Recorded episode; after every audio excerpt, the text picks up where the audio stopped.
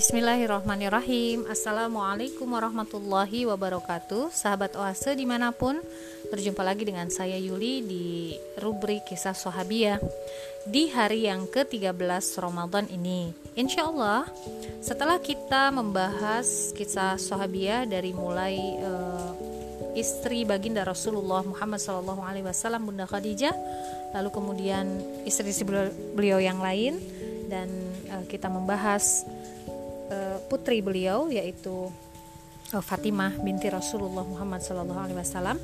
Kini kita akan coba untuk mengulas kisah eh, Bunda Halimah As-Sa'diyah. Yang kita tahu semua beliau adalah ibunda e, susuan ya dari baginda Rasulullah Muhammad Sallallahu Alaihi Wasallam. Yang dari air susunya e, tumbuhlah manusia e, suci dan diberkahi di muka bumi ini. Uh, ketika kita membahas ya sosok Bunda Halimah Sa'diyah radhiyallahu anha kita mungkin akan flashback ya kejadian yang terjadi pada tanggal 12 Rabiul Awal tahun gajah di mana uh, Muhammad Shallallahu alaihi wasallam dilahirkan di rumah uh, Abu Talib di perkampungan Bani Hashim. Dan uh, rumah ini ya disebut rumah Muhammad bin Yusuf uh, yang sekarang menjadi perpustakaan umum ya di daerah Mekah. Nah, semula ketika Rasulullah lahir, uh, beliau diasuh ya oleh Ummu Aiman. Ummu Aiman itu adalah wanita dari Habasyah yang menjadi budak dari ayahnya yang diwariskan kepada Rasulullah. Di dalam banyak sekali riwayat, di, uh, di dalam beberapa riwayat ya maaf, uh, disebutkan bahwa wanita yang pertama kali menyusui baginda Rasulullah itu adalah Suaibah Suwaibah adalah wanita yang menjadi budak e, Abu Lahab ya paman Rasulullah Muhammad Sallallahu Alaihi Wasallam. Nah Hasan e, bin Sabit menceritakan saat itu usiaku 7 tahun atau 8 tahun dan aku sudah bisa memahami apa yang aku dengar. Jadi ketika Rasulullah lahir e, Hasan bin Sabit itu usianya sekitar 8 tahun ya. Lalu kemudian beliau e, melanjutkan Aku mendengar uh, seorang Yahudi berteriak dengan suara keras dari atap bangunan. Hai orang-orang Yahudi. Setelah orang-orang Yahudi berkumpul, ia pun ditanya, "Ada apa?" Orang itu menjawab, "Malam ini bintang tanda kelahiran Muhammad muncul." Ibnu Ishak menulis, Ketika uh, Muhammad lahir, Aminah, ibu Rasulullah Muhammad, mengirim pesan kepada Abdul Muthalib, kakek Rasulullah, uh, yang isinya cucu ayah telah lahir. Maka lihatlah.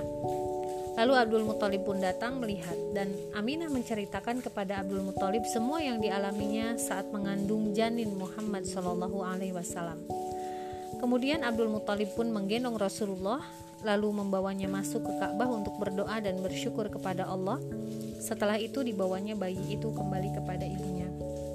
Kemudian Abdul Muthalib mencari wanita yang bisa menyusui Muhammad. Lalu beliau disusui oleh wanita dari Bani Sa'ad bin Bakar yaitu yang bernama Halimah binti Abu Zu'aib. Nah, saudara-saudara beliau sesusuan adalah Abdullah bin Haris, Anisah binti Haris dan Huzafah binti Haris. Uh, yang Huzafah binti Haris ini dikenal dengan sebutan Syaima ya.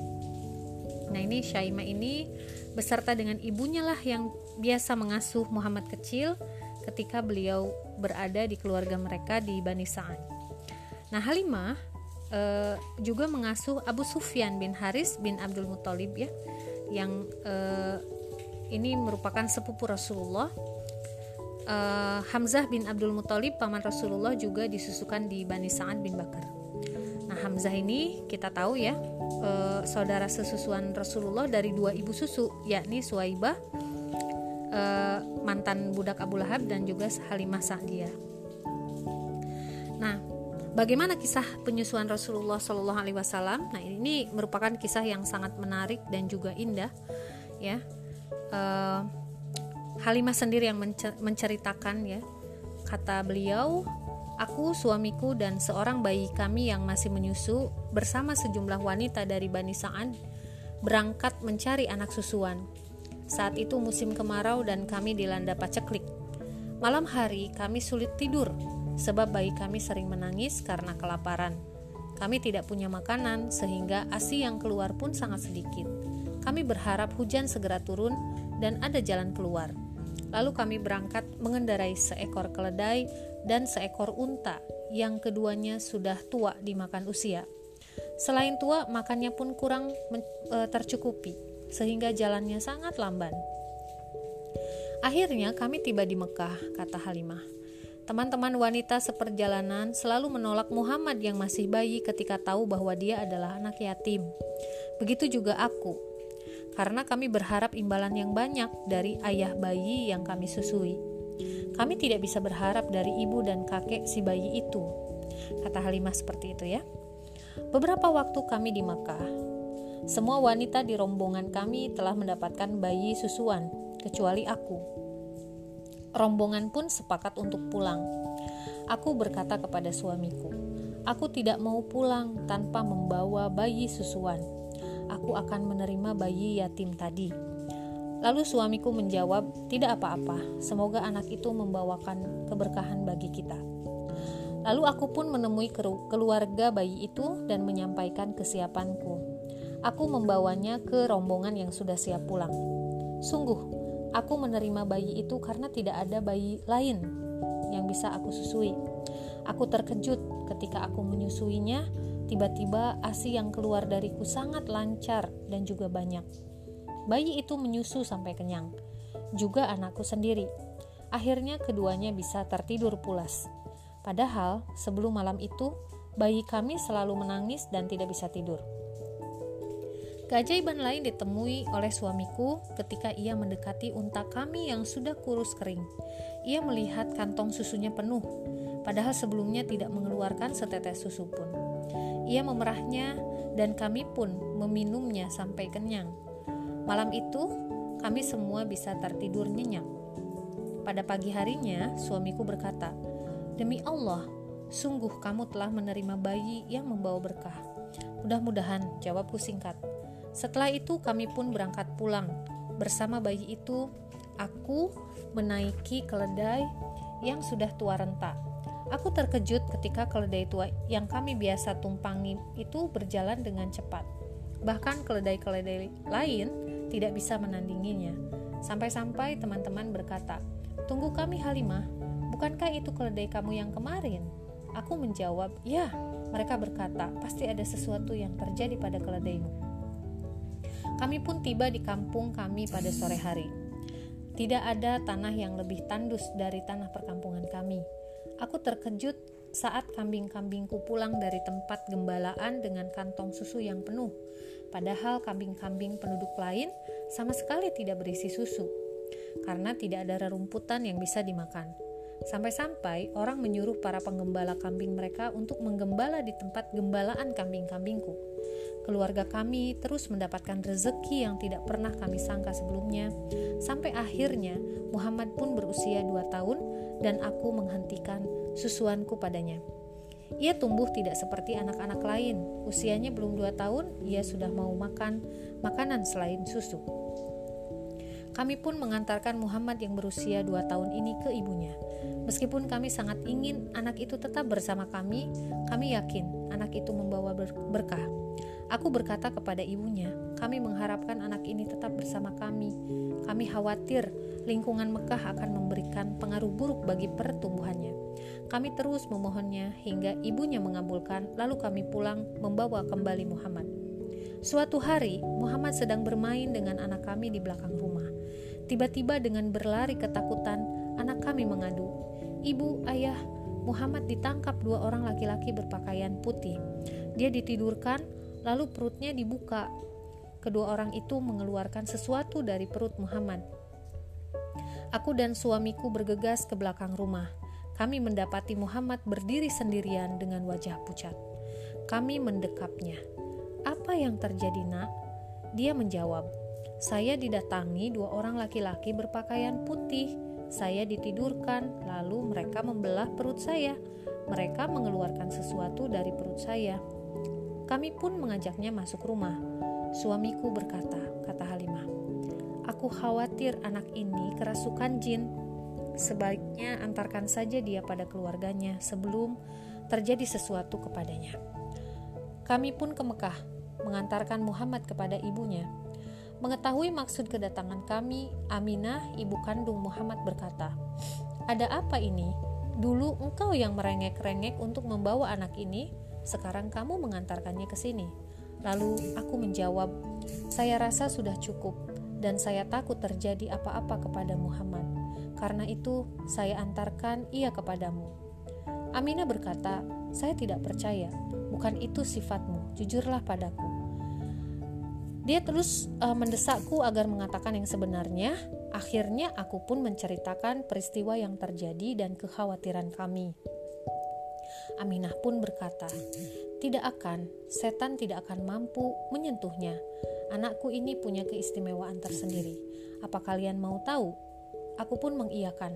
Lalu Aminah berkata, "Saat aku mengandungnya, ada cahaya terang yang keluar dari perutku. Dari cahaya itu, aku bisa melihat istana Basra di wilayah Syam. Aku juga merasa ringan, seakan-akan tidak sedang hamil. Saat dia lahir, saat tangannya menyentuh alas tidur, kepalanya pun mendongkak ke langit. Ya, seperti itulah uh, dikisahkan di dalam banyak sirah ya. Kisah kesaksian dari Bunda Halimah uh, radhiyallahu anha ketika beliau uh, menyusui dan mengasuh uh, laki-laki mulia, kecintaan kita semua baginda Rasulullah Muhammad Shallallahu Alaihi Wasallam. Nah, eh, ketika Halimah meninggalkan rumah Aminah dengan penuh kesedihan karena berpisah ya dengan anak susuannya yaitu Muhammad, beliau tidak bisa membendung ya kesedihan. Eh, beliau tidak bisa membendung air matanya. Halimah betul-betul sedih. Namun di lubuk hatinya dia yakin bahwa dia pasti akan bertemu lagi dengan Muhammad, bahkan akan kembali bersatu dengannya. Uh, lalu Muhammad semakin tumbuh besar, akhirnya beliau menikah dengan Khadijah putri bangsawan yang juga uh, apa menjadi uh, partner ya di dalam pekerjaannya. Nah, selang beberapa waktu dari hari pernikahan itu, uh, Bunda Halimah Sa'diyah, ibu susu uh, Baginda Muhammad Rasulullah Shallallahu Alaihi Wasallam datang kepada beliau mengadukan musim kemarau dan juga paceklik yang menimpa e, perkampungannya. Rasulullah Wasallam lalu kemudian memberitahu Khadijah, maka Khadijah diriwayatkan memberikan 20 ekor kambing dan 20 ekor unta untuk dibawa pulang oleh Bunda Halimah. Nah, ini uh, di dalam Tabaqat Ibnu Sa'ad ada penjelasannya. Dan Halimah sangat senang dan bahagia ketika mendengar kabar bahwa Muhammad, anak yang disusuinya, menjadi rasul yang diutus sebagai rahmat bagi alam semesta. Suatu hari Halimah berangkat meninggalkan kampungnya untuk bertemu dengan Muhammad anak susuannya Melihat kedatangan ibu susunya, Rasulullah langsung melepaskan kain sorbannya dan menggelar menggelar kain itu di tanah untuk menyambut kedatangan ibu susuannya itu. Rasulullah sangat memuliakannya sampai-sampai para sahabat yang belum mengenal Halimah ini keheranan. Seorang sahabat ya bertanya kepada orang di sampingnya, "Siapa wanita ini?" Lalu setelah diberitahu bahwa wanita itu adalah Halimah ibu susu Rasulullah, barulah orang tersebut memahaminya. Begitulah budi pekerti, kecintaan dan rasa hormat Rasulullah ya kepada ibu susuannya. Dan uh, manis pahit ya kehidupan ini telah dialami oleh seorang Halimah As-Sa'diyah, Bunda Halimah. Tentu semua itu uh, ada akhirnya ketika beliau ya radhiyallahu anha harus meninggalkan dunia yang fana ini di Madinah lalu kemudian beliau pun dimakamkan di pemakaman Baqi. Semoga Allah meridhoinya dan menempatkannya di surga Firdaus. Itu saja yang bisa saya share. Terima kasih. Bila hisabilil haq. Wassalamualaikum warahmatullahi wabarakatuh.